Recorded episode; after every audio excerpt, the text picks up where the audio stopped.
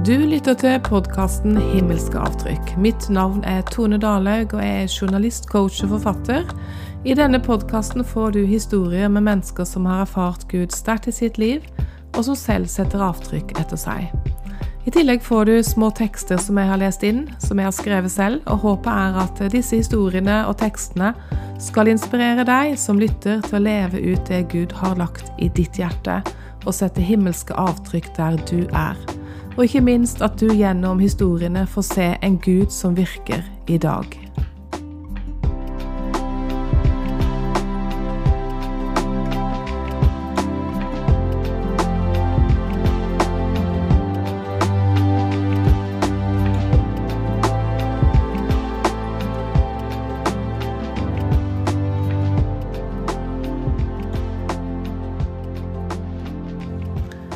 Jeg stoppa opp ved en kort setning i Markusevangeliet her om dagen. Det var ordene 'Da lot de dem gå'.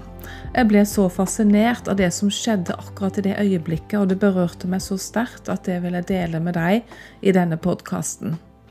De få ordene er nærmest som en liten parentes i den større historien om Jesu inntog i Jerusalem. Det synes så lite, det som skjer, men det rommer noe uendelig stort og himmelsk. Ganske snart skal luften fylles av jubel og hosianna-rop og vaiende palmegrener. Men rett før dette skjer, ber Jesus to av disiplene om å gå inn i en liten landsby like ved og hente den berømte eselfolen. Underlig å tenke på at dette eselet som sto bundet og som ingen hadde sittet på, og som ingen andre enn de lokale visste om, snart skal bli det mest kjente eselet i hele verdenshistorien. Jesus gir disiplene klare instrukser på hvor de finner dette eselet, og hva de skal si om noen reagerer på at de løser den og tar den med. Da skal de enkelt og greit si 'Herren har bruk for den'. Disiplene de gikk av sted, og de fant eselet og løste det. Og da er det noen som nettopp stusser litt og spør hva de holder på med. Løser dere eselfolen? Disiplene svarer nøyaktig som de hadde fått beskjed om, og sier løseordet 'Herren har bruk for den'. Og det er da vi leser at de lot dem gå. Begrepet løsenord er mer brukt på svensk, men betyr noe sånt som et slags passord, noe som åpner opp, gir deg passasje, løser noe.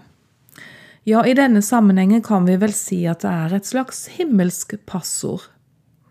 Og det som er så forunderlig, er at når slike ord kommer til deg, eller inn i en situasjon, så må alt annet legge seg. I fortellingene i Bibelen kan vi nærmest se for oss at noen i landsbyen reiser seg og skal gripe inn idet de prøver å løse eselfolen. Men så kommer det himmelske løsenordet, og eselet får bli med disiplene som det mest naturlige av alt. Ingen stusser på det lenger, ingen protesterer mer. Det er som om himmelen kommer ned, og alt blir klart.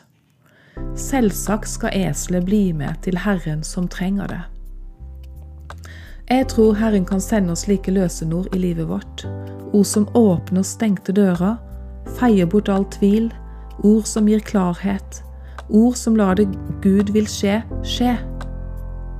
Gud velsigne deg i dag.